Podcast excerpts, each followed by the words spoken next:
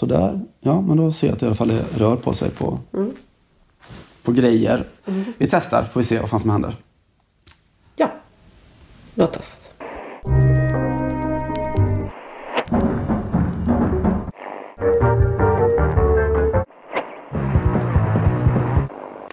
Jag tänkte börja med att tala om att eh, Football Writers Association, alltså någon form av eh, fackförbund eller intresseorganisation för engelska fotbollsjournalister, har i veckan här konsulterat Gary Bloom. Själv sportjournalist, men också psykolog. Och också tandläkare. Nej, jag skojar. Eh, han är då bland annat då anställd av Oxford City och han har då på förekommen anledning gett fyra stycken råd till eh, frilansande fotbollsjournalister. Råd 1. Få inte panik. Råd 2. Prata. Eh, gör det i telefon eller via Facetime eller hur som helst, men prata och få utlopp för din eventuella ångest. Råd 3. Ta hand om din hälsa. Rör på dig, ät bra, drick ordentligt och håll kontakt med dina vänner. Punkt 4. Minns att du är begåvad och duktig på det du gör. Du jobbar i en tuff och konkurrensutsatt bransch. Det betyder att du kan använda din begåvning till annat. Det kommer att finnas mängder av nyheter att skriva om de kommande månaderna. Du behöver ju inte bara bevaka sport. Så Johanna Frändén, frilansande fotbollsjournalist. Fyra då väldigt snabba kontrollfrågor här innan vi drar igång. Har du panik? Nej, inte för jobbet, nej. Pratar du med folk? Ja, mycket. Väldigt mycket. Tar du hand om din hälsa? Sådär, jag tycker det är lite svårt att eh, gympa inomhus om man säger så. Eh, Men jag, ja sådär då kanske på den. Minns du att du är begåvad? Oh ja, Då så. Glöm inte bort att du är värdefull, som det heter i psalmboken. du kan flyga, du är inte rädd och så vidare. Precis så. Eh, speciella tider, speciella poddtider också såklart. Jag eh, sitter i min säng och eh, spelar in det här. Var eh, befinner du dig fysiskt? Ett köksbord i Göteborg. Känns som att du eventuellt vann, jag vet inte. Nej, jag tog faktiskt tillflykten i, precis innan Paris stängde ner. Jag skulle egentligen varit hemma, eller varit i Stockholm ändå den här helgen. Men eh, Göteborg blev det. Det var egentligen bästa ställe att få ett litet sånt karantänrum. Eh, det kryllar inte av kompisar som har så ett rum ledigt. Framförallt inte eftersom det är många som har småbarn. Men här har jag min allra bästaste bästis som jag kan bo hos. Du är alltid välkommen hit eh, till barnen i, i trerumslägenheten. Eh, Du, du berättade ju någonting för mig som fick mig att totalt omvärdera, kanske inte vår vänskap, men ändå lite min bild av dig. Det blev lite, ett litet sånt hack i veckan när vi för en gång skulle prata det utan att någon spelade in samtalet så att säga. Att du tillhör den här lilla gruppen som jag alltid har trott bara är posörer som faktiskt kan jobba ganska bra på café. Ja, alltså det är nästan exklusivt där jag jobbar faktiskt. Eh, där har jag mitt heimat. Där trivs jag allra bäst. Eh, en kopp kaffe eller en, en bulle eller macka eller så, så. Så sitter man där och eh, jag har då spottat ett café som är ett, eh, ett kulturcafé i Vasastan i Stockholm där. Där det händer att eh, Ingvar Hidvall eller Kristina Lugn eller som Westberg eller sådär trillar in och sätter sig bredvid. Det funkar för mig. Eh, du bäser det något fruktansvärt. Ja, ja nej, alltså jag, jag vet ju att många har den här romantiska bilden av att mysigt att vara frilans, då kan man väl gå runt och sitta på kaféer och jobba. Och att det bara är så sinnessjukt jävla jobbigt för att det finns aldrig några uttag och så kommer de alltid undra om man inte ska köpa en till kaffe. Och sen så måste man typ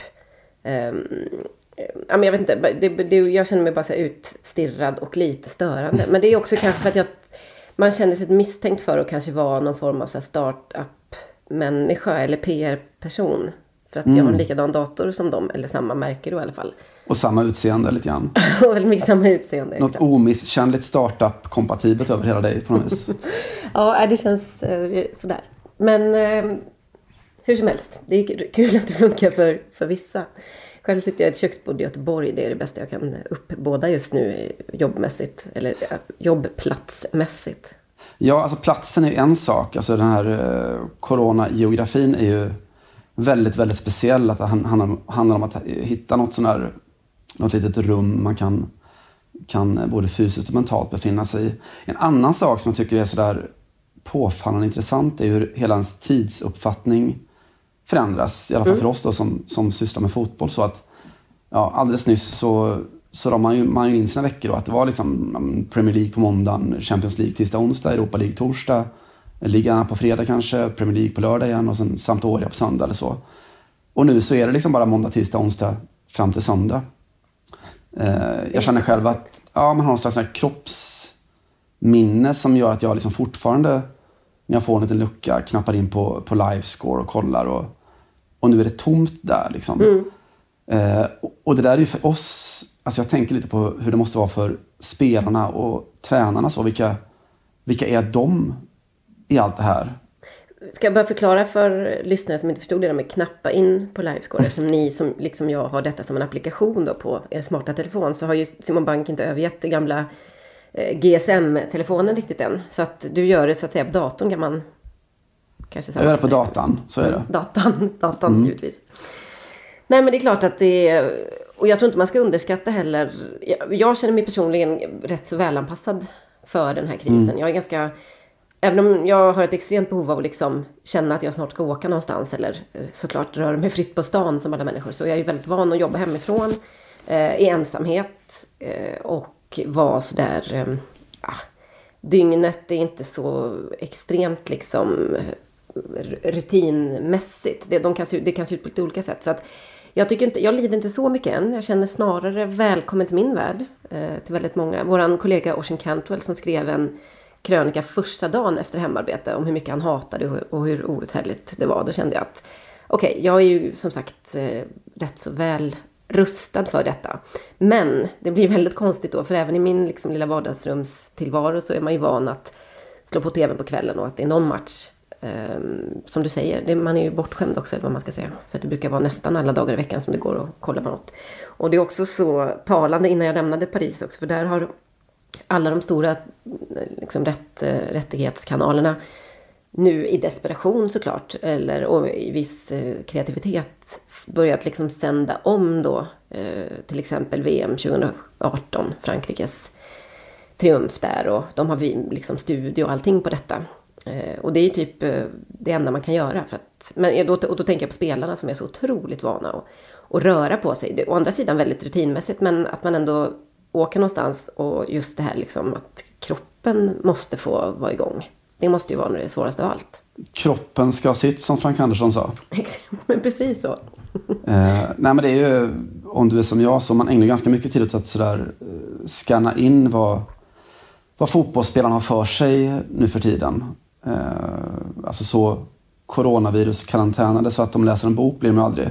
Men de eh, ja, de visar upp sig på sociala medier och vill fortfarande såklart vara synliga på något sätt.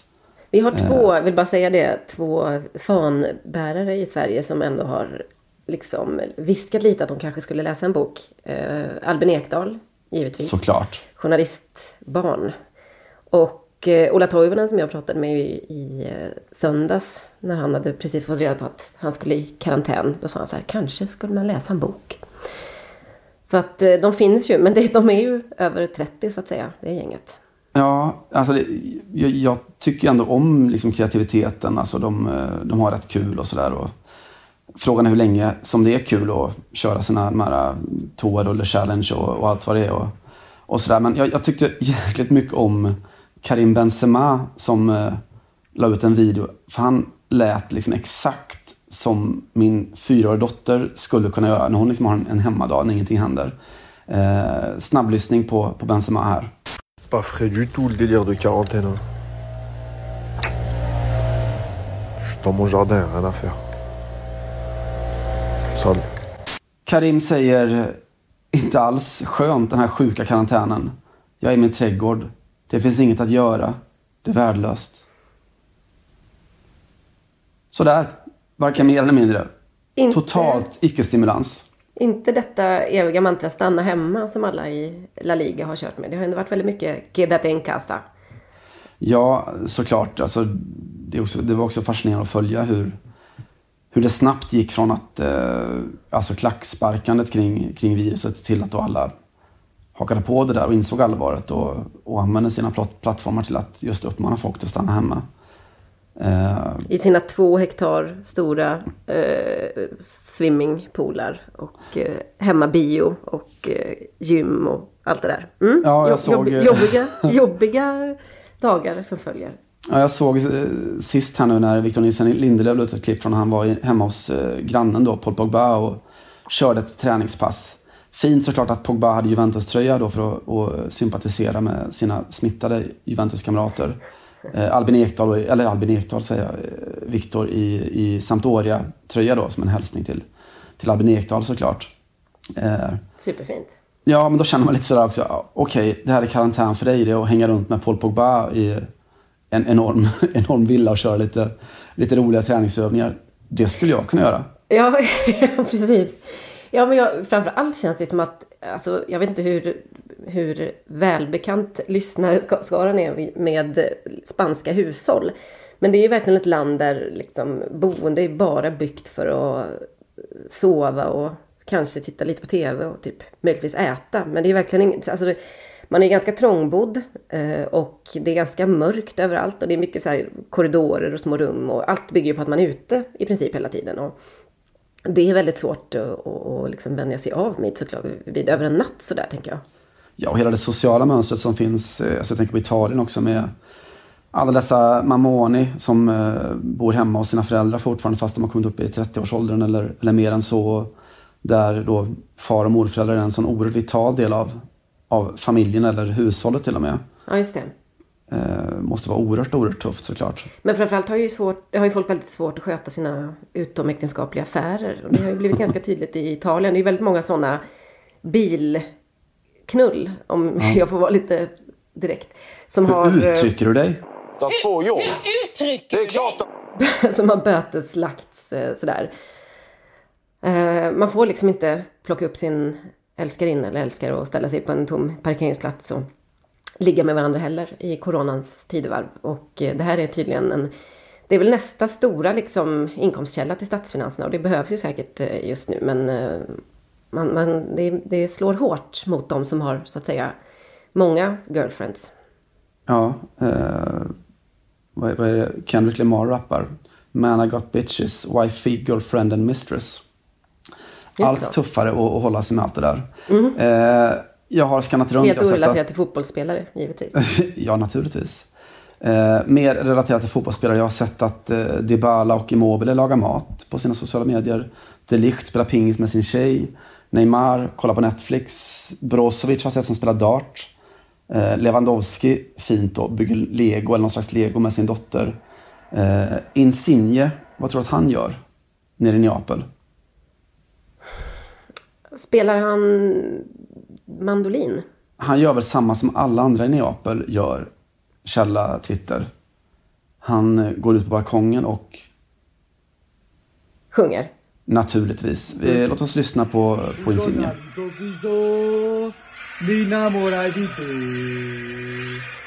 Il cuore mi batteva, lo chiedevi perché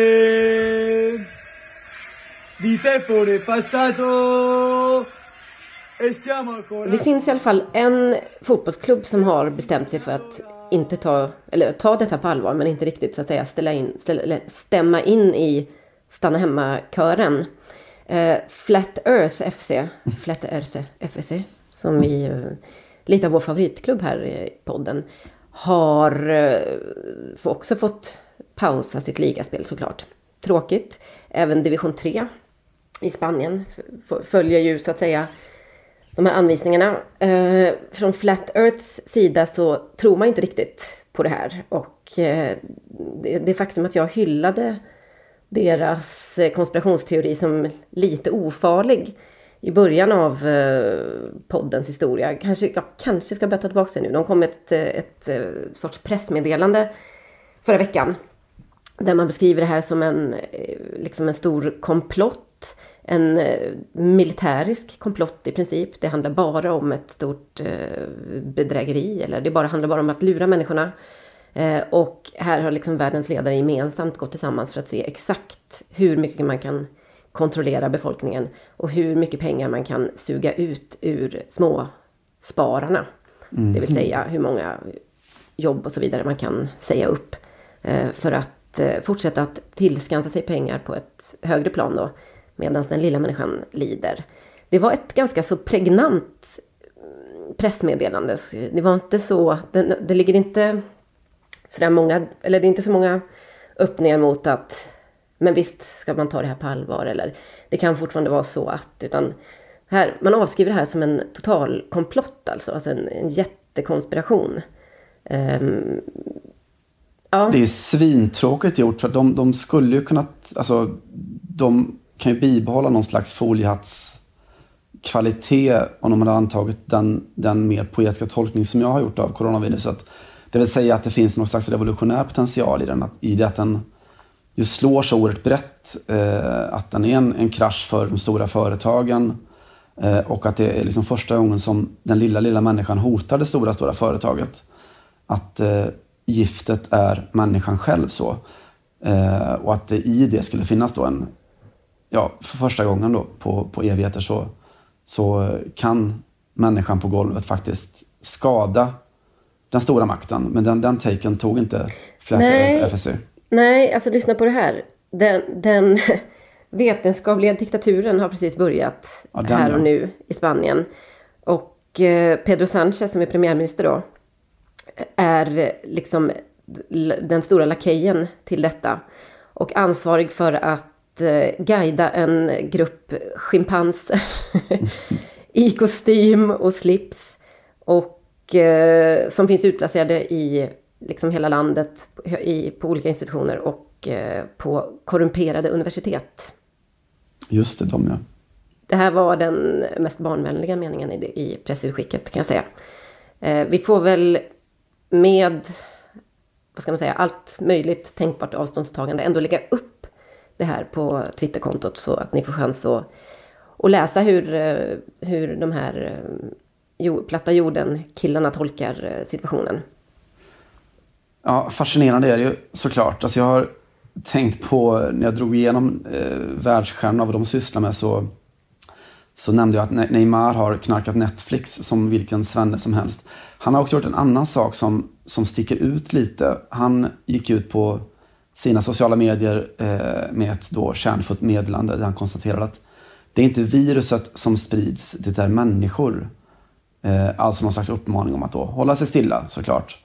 Eh, sen slog ju karantänen till på allvar i eh, någonstans i gränsen i Frankrike. Och då var Neymar inte kvar för då hade han flugit till Brasilien med sin tjej. Just det. Han Svårt. Och, och Thiago Silva också såg jag. Just det. Kanske mer överraskande, jag vet inte. Men eh, det är svårt att, att hålla den där eh, tvärsäkerheten. Eh, att vara den goda människan när det väl kommer till, till jaget. Ja, precis. Och här sitter jag också då hemflugen från Paris. Så att eh, jag ska hålla, jag ska tala med små bokstäver kring detta. Vi ska inte glömma heller att Zlatan Ibrahimovic flög ut ur världens mest coronadrabbade område får man väl säga. Eh, norra Italien i sitt privatjet. Men har startat en insamling nu. Kanske för att gottgöra lite för det möjligtvis. Han skänkte en miljon. Ja. En miljon, det är helt fantastiskt ju. Det är fantastiskt. Det är ju kaffepengar för honom förstås. Men eh, vi måste applådera initiativet. Som kändes genuint, tyckte jag. Eh, det han kanske hade kunnat undvika var ju att liksom avsluta det hela med en klassisk sån slatanism. And remember, if the virus don't go to Zlatan, Zlatan goes to the virus. Hur funkar det här rent retoriskt om man liksom om, om man skulle sätta sig och analysera det. Om viruset inte kommer till Zlatan, kommer Zlatan till viruset? Alltså, vad, vill man gärna att viruset ska komma, men det gör inte det och då får man själv ta saken i egna händer. Alltså effekten blir snarlik i alla fall, kan man tänka sig. Alltså viruset och Zlatan kommer eventuellt då, eller någon gång längs med tidsaxeln hitta varandra, måste ju vara slutsatsen i alla fall. Ja, det måste ju vara det som är poängen. Och också lite, här drar jag ihop skitmycket pengar, eller ja, förhoppningsvis, till alla de som jobbar med att eh, få bukt med den här farsoten. Men jag kan inte, ändå inte låta bli att avsluta med en liten så klämkäck det är inte så jävla allvarligt ändå. One-liner. Nej, småspeciellt. Han borde ta hjälp lite av, eh, för den är också ganska platt ju som, som slogan betraktad. Eh, Ja, den betyder ju ingenting. Eller hur mycket man än tänker på den fattar man inte riktigt vad eh, han vill ha sagt med det. Mer än Nej, att han väldigt- vill drabbas då av för att han vill överrumpla coronaviruset. Ja, Snarare eh, än den, tvärtom. Den är svår att få ihop. Men jag tycker att han borde sådär, eh, lärt sig någonting av sin tid i USA. För om det är något som jänkarna kan så är det ju att sådär, rubricera kriser, konflikter, allt sånt. Nu så att Donald Trump pratar om the invisible enemy. Eh, snarare då än det här the foreign, utländska viruset då. Mm. Men the invisible enemy, alltså att ta fram det som någon slags fiende som kan som kan då besegras tycker jag. Den är, den är stark. Den är stark som bild, den är stark som poetisk figur. Men också som fotbollsspelare hade ju det varit bättre att säga att den här matchen ska vi vinna eller någonting sånt. Det kan man ju tycka. Istället för att använda liksom den här, för det här är ju en parafras antar jag på att om inte Ber- Mohammed kommer till berget får berget komma till Mohammed. Eller? Just det. Ja, det är eller en parafras på honom själv. Jag vet inte. Eh, jag Kan ska, lejon få coronavirus? Den är man ju lite fundersam över att han inte har plockat fram än. Den är ju jättebra ju. Ja. Den hade varit bättre.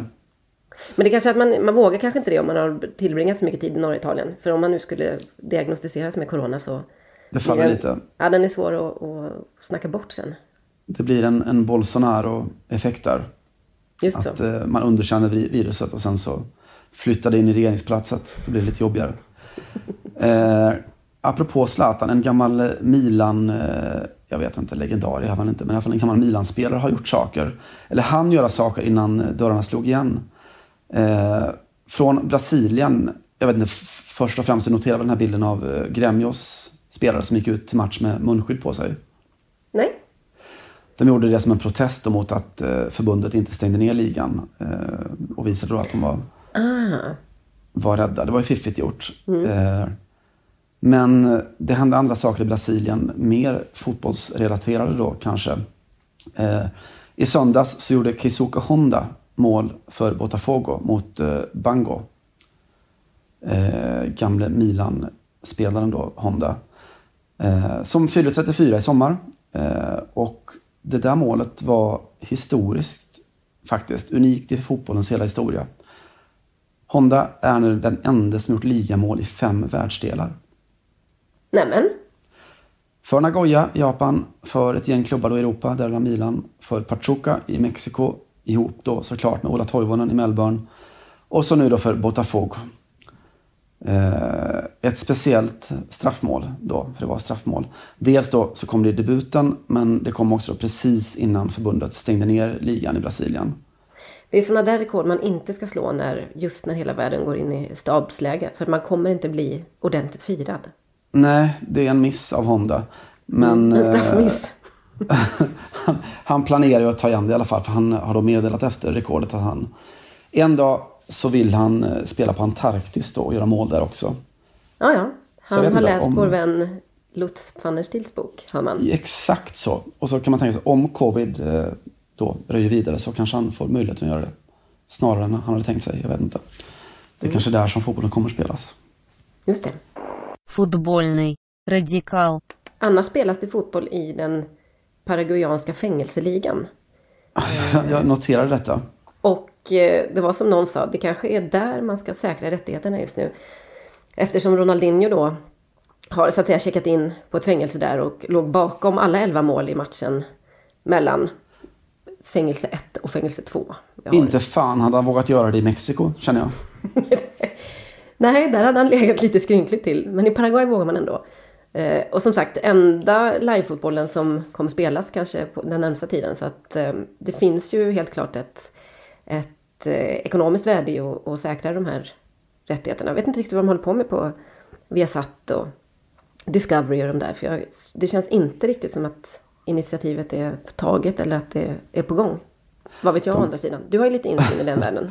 Jag har lite insyn och jag tänker att eh, det finns ju ett annat som kanske skakar, eller borde skaka det svenska fotbollförbundet, eller SEF kanske snarare. Eh, en av Unibets ägare har ju då fällts i Spelinspektionen och fått 100 miljoner i böter. Eh, historiskt höga böter. Eh, för att de har misskött sig då med bonusar och sånt. Eh, samtidigt som då Discovery, då den andra tunga parten som klev in i allsvenskan, då dels drabbas av den uppskjutna allsvenska starten och eventuellt, och vi får se vad som händer, kanske drabbas av ett eh, inställt eller uppskjutet OS också. Deras andra stora rättighet. Just det. Så eh, tuffa ekonomiska tider, alltså gud vad man känner att det är relativiserat idag. För det är inte kanske fotbollen som är den- det stora offret. Men, eh, men hur som helst så det svänger en del. Jag håller med och jag tycker att Magdalena Eriksson uttryckte sig väldigt klokt kring detta. Hon sa väl i princip att det här är liksom inte lägen där man ska börja bråka och göra polemik av det ena. Men jag hoppas verkligen att Uefa tänker på allas bästa när de börjar flytta på sina mästerskap. Eh, du har skrivit om det, jag har skrivit en liten blänkare om det. Eh, det är mycket sådana så kallade chockdoktriner, brukar, man ju, brukar ju Naomi Klein kalla det. Saker, reformer och dekret och sånt som införs eh, just när hela världen, eller hela ekonomiska systemet står inför en kollaps. Då går man med på nästan allting. Eh, och jag känner att Uefas drag att då eventuellt flytta fram också damernas EM ett år är just en sån. De förstår väl att det inte blir så mycket debatt om det just nu. Ingen kan riktigt med och eh, göra det till den stora grejen. Men låt oss hålla i frågan och eh, reda ut den när tid är för att göra detta. För det är ju, hur man än vrider och vänder på det, en rätt skabbig inställning till ens, liksom, det ena benet man står på. Om, det, om man vill säga att det ena är herr och det andra är damfotboll så, så är, förtjänar det mer än en bisats tycker jag att tala om att. Och dessutom så flyttar vi lite på tjejerna.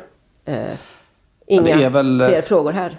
Nej, det är väl någonstans i retoriken som man funderar över. Alltså herregud, alla har respekt för att det är tuffa tider kräver tuffa beslut och så vidare. Och att alla får dra sitt förbannade strå, strå till, till stacken för att världen ska ta sig hel igenom det här.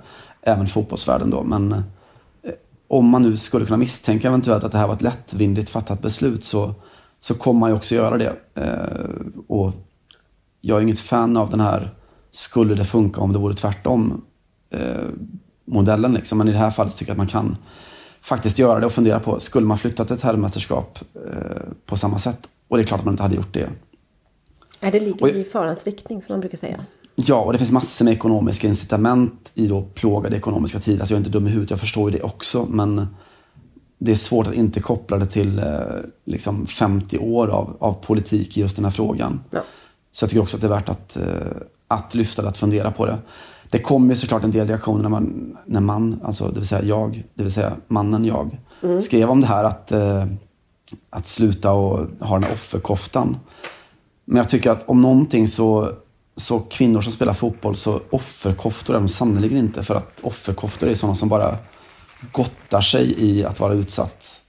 Eh, damfotbollsspelare tar ju fighten. De är ju övertygade om att det går att, att vända på det här. Det är en konstant strid och det är inte...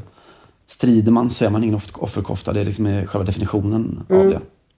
Mm, helt Kan jag tänka. Så det är lite så här att jag tycker att man eh, kan ta alla, alla möjligheter att lyfta just det här. Även faktiskt en force majeure situation som det här. Eller kanske särskilt till och med. Jag vet inte. Eh, tycker ju hur som helst att det, det här också eh, är intressant. Alltså för att det är också lite om Uefas retorik i den här frågan som ju visar på att det finns en sorts självklarhet och automatik i, i det beslutet. Eh, som så mycket annat så är det liksom spännande att se att alla tvingas i den här krisen att visa sina rätta ansikten på något vis. Att man, även på något sån där eh, privat, personligt, socialt plan så, så ser man liksom snabbt vilka är det som är hypokondriska neurotiker, vilka är det som är, som är så överdrivet coola och egocentriska och, och så. Jag tycker att mycket av ens tid går åt att balansera upp människor runt omkring en. Att lugna ner de som är neurotiska och att kanske plantera lite neuros hos de som är lite för, för coola så. Det var en bekant berättade om ett samtal med sina föräldrar i 40-talistgenerationen då, den här lite bångstyriga. Som, där det är väldigt många som tycker att de är inte, age is nothing but a number och så vidare. Även om inte det var riktigt det Anders Tegnell sa när han sa stanna inne. Han sa ju inte känn efter hur gammal du känner dig. Utan han sa ju ganska tydligt, är du över 70, eh, stanna hemma och dra ner på sociala kontakter. Mm. Men eh, den här personen i alla fall fick ringa till sina föräldrar och har så att säga en av varje. Givetvis då en mamma som är extremt hypokondrisk och neurotisk och en pappa som tycker att det här är väl inte hela världen. Och det här att försöka tala om övertyga pappan om hur jävla farligt det var att gå ut samtidigt som mamman satt där och ångesten och skräcken bara växte. Att, det, att han fick använda det, ja, det fick bli någon form av collateral damage. Liksom. Ja, jag skrämde upp morsan som helvete, men jag, vad skulle jag göra då? Viktigt är ju att båda överlever. Ja, herregud i himlen. Det är många som poserar kan jag känna. Det är också, jag var ju verkligen noll, förvå- alltså minus förvånad över att fransmännen i första läget inte alls köpte det här att de skulle stanna hemma. Det var ju verkligen, hörni stanna hemma, snälla, det vore bra. Det var ju lite det första beskedet från eh, Och det premiärministern. flög, det flög inte riktigt. Nej, det flög fan inte. Men jag förstår ju också att det är svårt att kommunicera i de här tiderna. Man vill ju inte skrämma upp folk för mycket. Eh, och man vill inte förstöra hela ekonomin. Och då får man balansera det där lite grann. Och så gick det två dagar och så sa inrikesministern Edouard Philippe då att ja, nu får vi ta till lite hårdare åtgärder här med utgångsförbud. För ni lyssnar ju inte på mig. Det var verkligen som en sån där lärare som saknade auktoritet. Och lite, alltså- ja, li, lite offerkofta faktiskt, lite så här martyrstuket. Alltså, Så att- underbart att vara i ett land där ingen är i riskzoner som alla är tonåringar. Så eviga tonåringar. Ja men verkligen. Så då blev det så här, ja, nej men det är väl här man får ta till mig då. Eftersom ni inte lyssnar på mig. Det är ju Ja, jävla dålig eh, så psykologisk eh, metodik kan man tycka. Så han borde istället sagt sådär att nu är det oerhört viktigt att alla tar sig ut och har sina sociala kontakter bibehållna. Det här är Gör det det för statens skull. Det här är det svåra för fransk vidkommande alltid. Eftersom man vet att det finns liksom en sån inboende, ett, verkligen ett inboende karaktärsdrag, nationellt karaktärsdrag att göra tvärtom vad myndigheterna säger. Eh, jag glömmer aldrig när jag satt på en sån lunch, lite runda bordsamtal med Frankrikes eh, jämställdhetsminister Marlène Schiappa. Och eh, vi pratade bland annat om föräldraledighet då, och pappaledighet framför allt.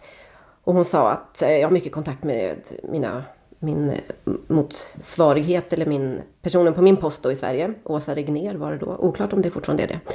Och eh, där vi har pratat eh, mycket om, om detta. Nej, det är ju inte. Vem är jämställdhetsminister Simon? Hjälp mig. Jag har ingen aning. Nej, det är inte Amanda Lind. Eh, du menar att hon har idrotts-, kultur och jämställdhets... Fan vad jobbigt. Det var konstigt att man inte kände till det. Bryt!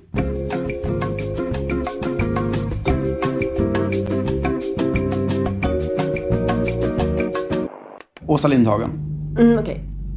Åsa Lindhagen heter hon numera. Men Chiappa då, Frankrikes jämställdhetsminister, berättade att det var svårt också att eh, kommunicera det här till franska män och fransmän överhuvudtaget. Och hon sa att vi, vi har ju ett förslag på att man ska förlänga pappaledigheten och min känsla är egentligen inte att franska män är så negativt inställda till det här, utan mer att fransmän inte tycker om att göra vad myndigheterna och staten säger till dem att de ska göra. Och att det är lite därför som det här inte riktigt har börjat flyga, så att säga. Eh, och där befinner vi oss i en hyfsat annan situation i Sverige, där folk, utom de som är 70 plus då, lyssnar på myndigheterna. Just det. Jag får någon sån här flashback till, till skoltiden, kanske högstadiet eller så. När vi fick någon, eh, någon överdimensionerad läxa. Kan ha varit i franska eller tyska, eller jag minns inte. Eh, och en av mina klasskamrater kommer tillbaka och har inte gjort sin läxa och, och får någon sorts reprimand. Så. Men det var ju till idag liksom. Jag sa ju det i, i, i förrgår att det var de här uppgifterna jag skulle göra. Eh, och han sa att eh, ja, ja, men du sa inte att du menade allvar. Den grejen känns som att många statschefer just nu går runt och, och bär på. Det var precis det som franska folket kommunicerade till sin premiärminister här. Ja, du sa ju Just inte till oss på skarpen. Eh, rimligt. Du, Men eh, man, man märker också väldigt tydligt så här vilka det är som är egoister. Och då, jag tänker inte kanske främst på så här, handsprits eller toarulle gate så, utan mer på, på fotboll då. Eh, Dortmund är väl kanske den klubben som har fått, inte bara av oss, men också av oss, fått väldigt mycket cred för att det är en, en klubb då som är väldigt noggrann med att visa sin eh, solidaritet och sin samhällsförankring och allt sånt där. Eh, Jag såg nu i veckan så gick Sydtribuner då, deras, ja, de samlade supportgrupperna ut då, som många andra och, och visade då, eller manade till, till lugn och, och manade till att hjälpa och stötta riskgrupperna i samhället så mycket man bara kan. Eh, intressant då i veckan att se eh, Hans-Joachim Watzke, eh, alltså Dortmunds VD, gå ut med ett litet utspel. Han var då, för liten bakgrund, eh, kassör på tiden när Dortmund då var millimeter från konkurs. Eh, och då fick de klara sig bland annat då beroende på att Bayern München gick ut och gav dem räntefria lån då, så att de skulle kunna klara sina utgifter. Jaha, det är någon form av så cirkulär fotbollsekonomi. Mm, precis så. Nu sa då Watzke istället så här. Klubbar som ansträngt sig för att spara undan lite de senaste åren kan inte belöna de som inte gjort det. Vi driver företag på en marknad här. Vi är konkurrenter. Nämen, O-Dortmundsk då. Han fick en, out of character, verkligen. ja, han fick otroligt mycket kritik såklart från det starka supporterkollektivet i, i Dortmund och i Tyskland. Eh, och har då fått backa sen dess och öppnat för sådana här solidaritetsfonder i tysk fotboll och, eh, och sådär. Men han sa också en annan spännande sak eh, när han då fick frågor om eh, han kände någon oro inför viruset. Då sa han så här. Jag är ansvarig för 850 anställda i klubben. Jag har inte betalt för att vara orolig. Och är det lite som när Ebbe Carlsson sa att han inte, jag är inte i ångerbranschen? På frågan om han ångrade att han hade startat en, sin egen lite privata Palmeutredning utan Det är exakt som någons Carlsson. tillåtelse. Det är precis så det är ju. Men det är väldigt Han många som någon- inte är i ångerbranschen just i de här dagarna. Man märker det mer och mer. Ja, alltså Ebbe Carlsson fick väl en fråga om han då med tanke på att eh, Anna- Anna-Greta Leijon fick sparken som minister utifrån då hans fiffiga Palmespaningar. Eh, och då sa han det att jag är inte i ångerbranschen. Ångrar du vad du har gjort nu när du ser vilka konsekvenser det har fått? Jag är inte i ångerbranschen, jag står för vad jag har gjort. Och nej, det är väldigt tomt i ångerbranschen just nu. Eh, det är det. Alltså, ett, så här på social, sociala medierna, liksom Ove i Bredäng går ut och dömer ut någon professor i, i smittskydd. Sådär bara liksom. Utan liksom en tanke på hur det kommer att se ut om ett år eller två. Men Eh. det är inte många på sociala medier som är i ångerbranschen. Då hade de inte riktigt fungerat, känns det som. Ja, Det är nog så. Men jag, pratade om så här tidsuppfattningen förut, hur den står och svajar. Eh, En annan sak som jag tycker är frapperande är hur människor har förlorat liksom sin ödmjukhet inför framtiden. så att Då man kan vara så där oerhört tvärsäker kring någonting som man inte kan ha en aning om här och nu. Alltså själv så går man runt så här livrädd för att, för att låta för tvärsäker, för man vet att man kan se ut som en idiot om ett tag. Just det. Eh, och den här hållningen då, att man, jag litar på de som kanske vet lite mer än vad jag Ja. gör. Den kommer man ju alltid kunna försvara så. Eh, men det är liksom som att alla här och nu, man lever i ett så här konstant pågående nu. Där liksom det enda som räknas då är eh, ja, någon slags eh, debatt och en fråga som vi inte har några svar på riktigt. Det är också väldigt mycket det här, och den debatten måste ju komma igång såklart. Hur, när det har lagt sig någorlunda. Hur rimligt var det att stänga ner hela samhällen och var, det, var den här ekonomiska smällen värd att ta? Med tanke på eh, utfallet då. Hur många som dör jämfört med vanlig influensa och, och vad du vill. Just nu är det ju lite tävling och liksom visa att man har mest, visa musklerna mest och så. Eh, att men, man det är gör ändå någonting. ingen, men det är ändå ingen, men det är ändå långt därifrån till de här som blev smittskyddsexperter över en natt. Och dessutom så, ja som du säger, är så sinnessjukt säkra på att vi har gjort fel i Sverige. Ja, det, det slår ju en lite så att jag handlar inte med aktier eller fonder och så, men, men om jag skulle kliva in. Vill du, Eh. would you like to stress that once again? Jag handlar inte med aktier då va? Eh, Simon är ju men, lite eh, av en re- revolutionär. Som, han sitter ju i en koja eh, utanför Bredäng och spelar in det här. Där han också eh, har ett självhushållande jordbruk. Och där barnen så att säga hjälper till att sätta potatis och så vidare. På en platt jord, så är det. Men jag funderar så här, skulle man kunna så investera i ångerbranschen tror du? Tror att det kan den pika om ett år? Alltså sk- skulle till och med du kunna överväga att börja placera pengar om, om det kommer ett riktigt jävla bra ångerföretag och bara vi, vi, vi har ingen jävla aning men vi ångrar oss redan lite grann här. Och det, den aktien kan komma att stiga direkt den närmsta tiden. Ge mig en, en etisk ångerfond så är jag där. Med hela mitt kapital. Är du ångerfull? Ja, ångerfull, ångerfull. Vad du menar med ångerfull. Ja, ångrar du dig? Ja, ja. En ganska talande insats tyckte jag för hur fotbollsvärlden ser ut och eh, framförallt elitfotbollen var faktiskt när eh, Real Betis eh, damlags Anna Romero gick ut och sa, eller skrev på sociala medier att Hallå, jag är faktiskt utbildad läkare. Jag erbjuder mina tjänster var de än kan behövas. Eh, nu när Spanien står inför en extremt prekär situation. Då. Eh, det blev eh, som sagt många spelare som har startat insamlingar och för, försöker göra vad de kan. Och en hel rad med stora manliga fotbollsspelare som ju är drabbade av coronaviruset också. Men det blev ganska tydligt här tyckte jag att eh, det, det finns också många fotbollsspelare som spelar på högsta nivå men som är helt vanliga människor med helt vanliga, vanliga civila utbildningar och där det här helt plötsligt faktiskt kan, kan komma till nytta. Att man helt enkelt kan vara uh, rycka Mm. in som akutläkare om det skulle behövas fast man spelar i den spanska högsta divisionen. De kommer här med sin, kyr, med sin kylspray. det, det ska lära det här jävla viruset. Där fick det. Lite tigerbalsam så är det bra. Lite, lite tigerbalsam och Voltaren. Det kan inte uteslutas.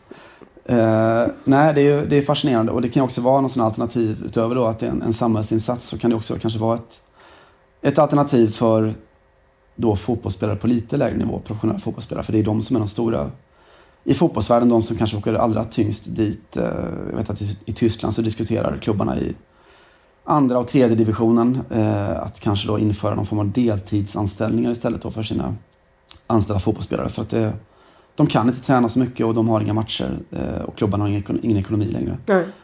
Eh, Vi ska väl säga det är det, det är inte jättesynd om oss här men det är klart att den här krisen drabbar ju många sportjournalister eller kanske framförallt många lite mindre sajter eller sån, sån, den typen av eh, journalister som inte jobbar på de absolut största tidningarna och som är helt beroende av att spelas matcher varje vecka.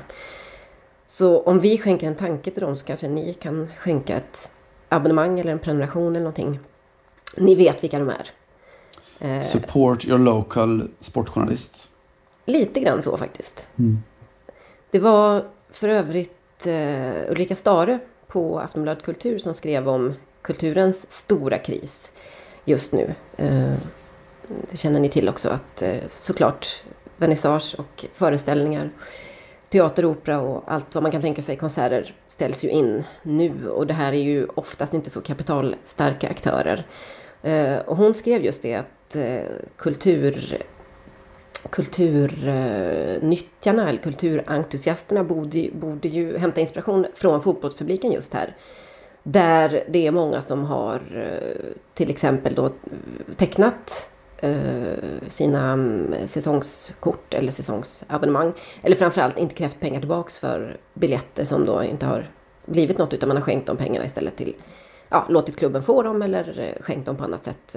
Organiserat sig lite kring, kring det här och i väntan på att det så att säga ska, ska bli bra. För att precis som du säger så är det ju en hundratals, tusentals klubbar jorden runt som eh, hotas av konkurs på grund av detta och eh, det kommer att bli en, en rejäl utgallring. Och det är inte PSG och det är inte Manchester City eller Barcelona som ligger risigt till här.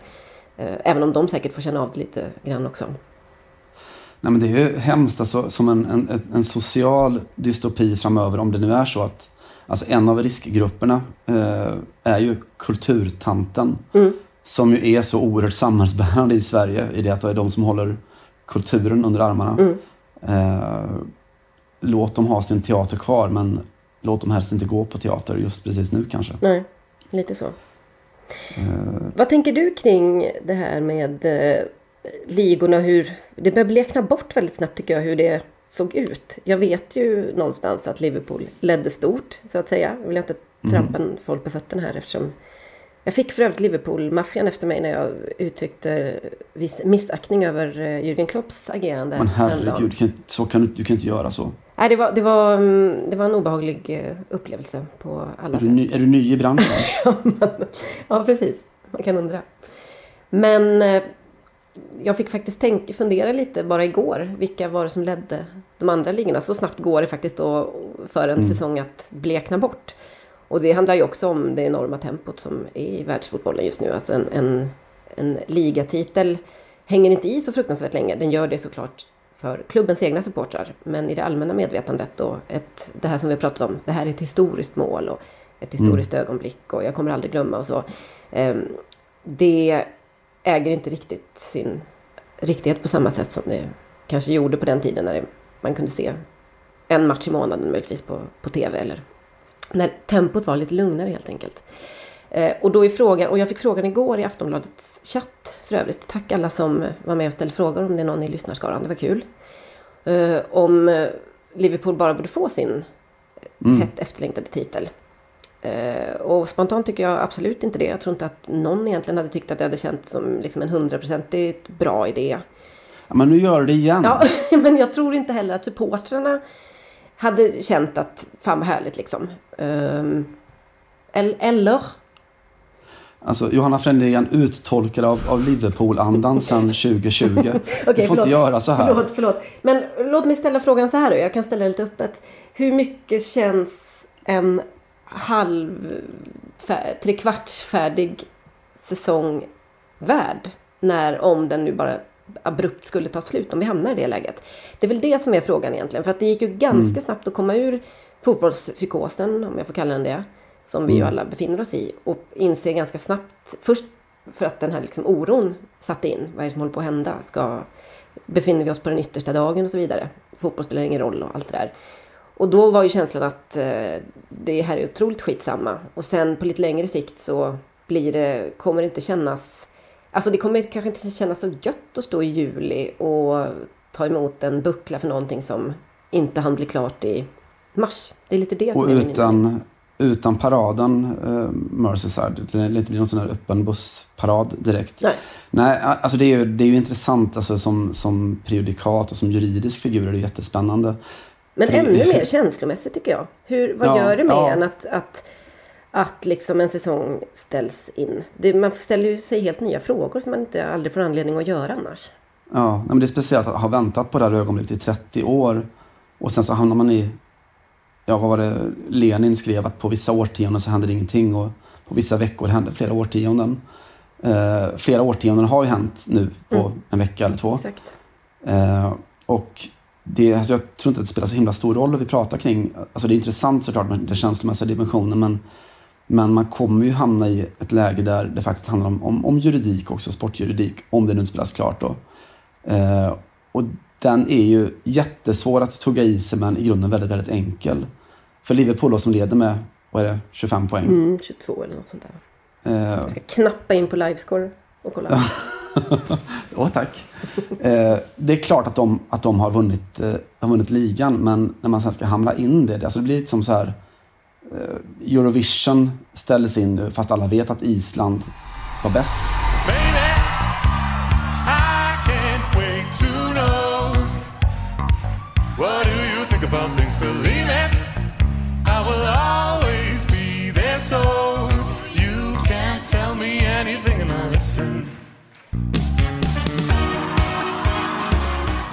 Fan vad bred du är Bank. Ja, då, jag hänger med. Mm, jag håller Men helt man med. kan Det var liksom inte- underbar deras låt. Man kan inte riktigt säga så, alltså för att alla frågor som följer efter det är ju, ja men hur gör man då med, med klubben som, som kanske ska åka ur eller... som 25 är tre- poäng i en haltande tabell. Varsågod. Du ser, och just haltande tabellen är också ett problem såklart. Att det, eh, vilka ska få Champions League-platserna? Mm. Eh, vilka ska åka ur eller inte åka ur? Alltså som är en mycket tyngre pokal att ta såklart med, med ekonomin som finns i England. Kan vi utesluta att eh, coronaviruset inte är en stor konspiration? Kanske inte av Flat Earths skäl, men för att det kändes lite för genant att Wolverhampton skulle resa runt i Europa och, och representera Premier League på högre nivå. Det skulle väl kunna vara Everton med deras kinesiska kontakter som har hanterat något. Du ser. Den tror jag är en teori som har större bäring i, i Liverpool-familjen än, än de som du skickar ur dig otänksamt.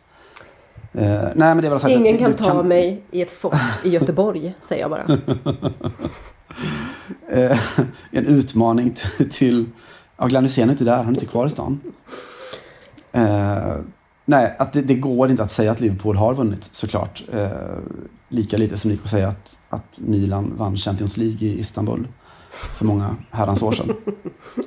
Det är inte klart förrän det är klart och framförallt så kan man inte säga så för att då måste du eh, cementera tabellen och i andra på andra positioner så är det mycket känsligare. Det är ju det kategoriska imperativet va. Att det måste kunna gälla över hela linjen. Eh, och det kan det inte göra. Så eh, nej, vi lider, vi lider väl med Liverpools fans om det skulle bli så att, att säsongen ställs in. Men Jag lider med alla de som inte har våldstendenser mot mig på Twitter eh, jag har vissa sympati, sympati för dem också, av och till. Eh, kan också plantera ytterligare då eh, pikar in i Liverpool-familjen med att hylla Gary Neville lite grann. Eh, Gary Neville is a red, he hates scousers och så vidare.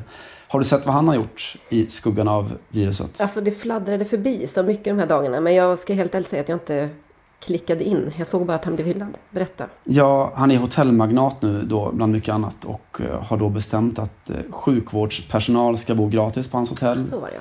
Och garanterat personalen att ingen kommer sägas upp och eh, lönen kommer betalas ut som vanligt. Mm. Tänk om han hade haft ett samhälle runt sig. Som hade tagit tag i sådana saker. Just det, In the UK. in the UK. Mm. Det är de inte. Anarki. Just det. Mm. Anarkia total.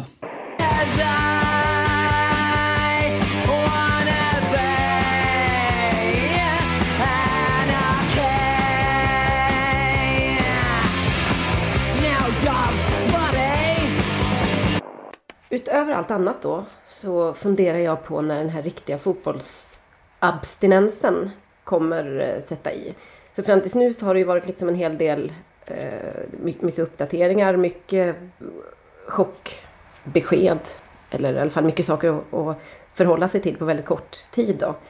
Allsvenskan skjuts upp såklart. Eh, ligorna ska eventuellt kunna spelas klart eh, senare i vår, sommar. Men det vet man ju inte alls säkert. Det beror ju helt på hur, hur det här spelar ut på sikt. Premier League kanske inte kommer spela klart. EM flyttas fram. Jag har nästan varit mer upptagen än en vanlig arbetsvecka för att med alla de här beskeden hit och dit och så och inte riktigt hunnit sakna liksom lunken. Mm. Ehm, vad ger det mig för tidsprognos? Jag tror att det sätter in ganska snart. Alltså jag har tänkt på det här alltså med, med krisen och tänkt lite Alltså det är sannerligen inte den första världskrisen vi går igenom ju. Inte ens under vår livstid ju. Eh, men Det var jobbigt med muren kriser, när den här ant- antifascistiska skyddsvallen föll till exempel. till exempel, eh, bland mycket annat. Eh, men de tidigare kriserna har i alla fall haft det gemensamt att, att fotbollen och kulturen har funnits där som andningshål då. Som sociala platser och eh, alltså extremfallet, alltså den här eh, första världskriget med, med vapenstilleståndet över, över jul när man spelade fotboll i ingenmansland. Mm. Eh, över jul och så, som någon slags eh, total total sammanfattande bild av vad, vad fotbollen eller, eller kulturen kan vara. Nu har vi inte ens det som, som andningshål och undrar lite vad det kommer göra med oss Just det. eh, på sikt. Eh, Det är det som är så det- otroligt konstigt. För alla normala tillflykter. Eh, Mm. Det här att träffas, kramas, hålla ihop. Eh, spe, latcha lite fotboll bara för att inte behöva tänka på det jobbiga. Allt det är, är förbjudet nu. Eller Mm. ja, i alla fall rekommenderar man inte, rekommenderas man inte att, att ägna sig åt. Eh, Har de sagt att det, att det är på allvar nu? Ni lyssnar ju inte på mig. Nu får jag ta till mig ännu värre. Ja, jag vet inte. det Nej, det så jag, jag tror att det kommer ganska snart. Och jag är inte säker på att det är fotbollen per se som man kommer sakna. Men du kommer sakna just det där andningshålet tror jag. Eh, enormt. Det kommer du göra ganska snart. Eh, om du inte redan gör det. Mm.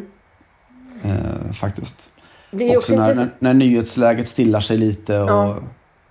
Eh, och man har skrivit alla texter om vad, vad som händer nu. Och om man bara lan- landar i att, eh, att allt står stilla och vi vet inte hur länge. Då tror jag att det kommer vara outhärdligt faktiskt.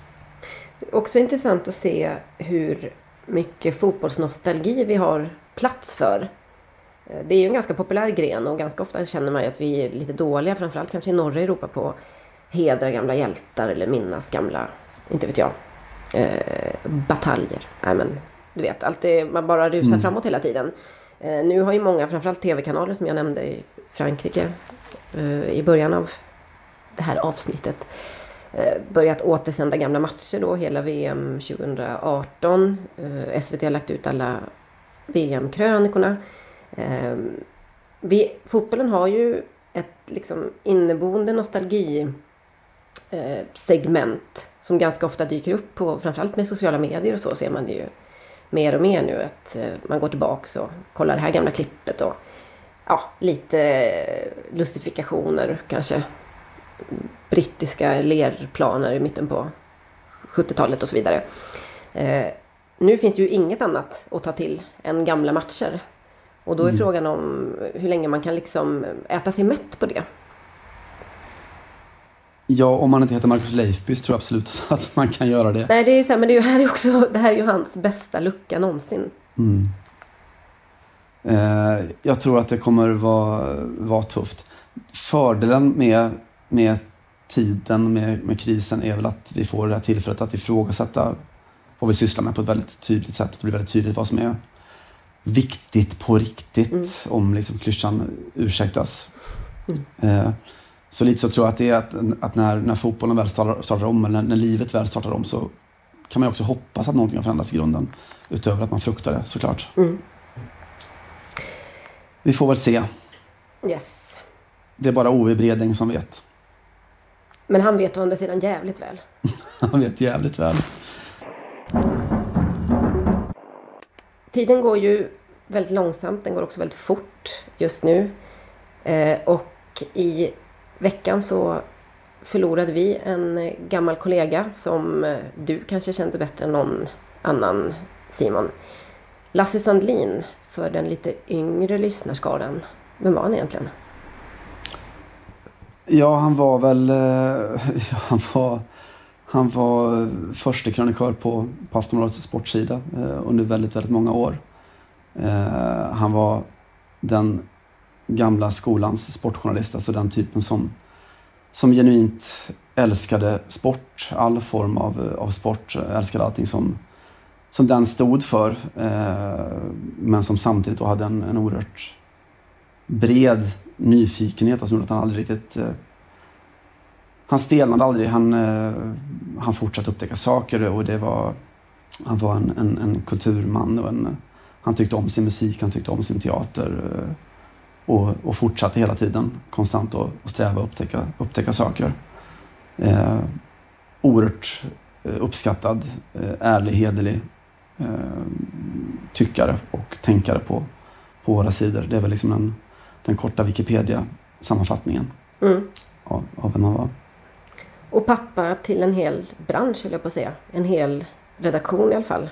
Eh, jag minns honom som den enda som, som tog emot den med liksom ett eh, fullkomligt normalt eh, handslag. Men som inte var så himla vanligt på den tiden. Folk satt mest och glodde vid sina egna datorer. Men Lasse kom fram och presenterade sig och intresserade sig och kom med glada tillrop. Och man kände sig sedd på ett sätt som låter väldigt eh, konstigt löjligt i alla andra sammanhang men som verkligen stämmer väldigt mycket på, på honom och hur han såg på sina medmänniskor och sina kollegor framförallt. Nej, men som du säger, en väldigt så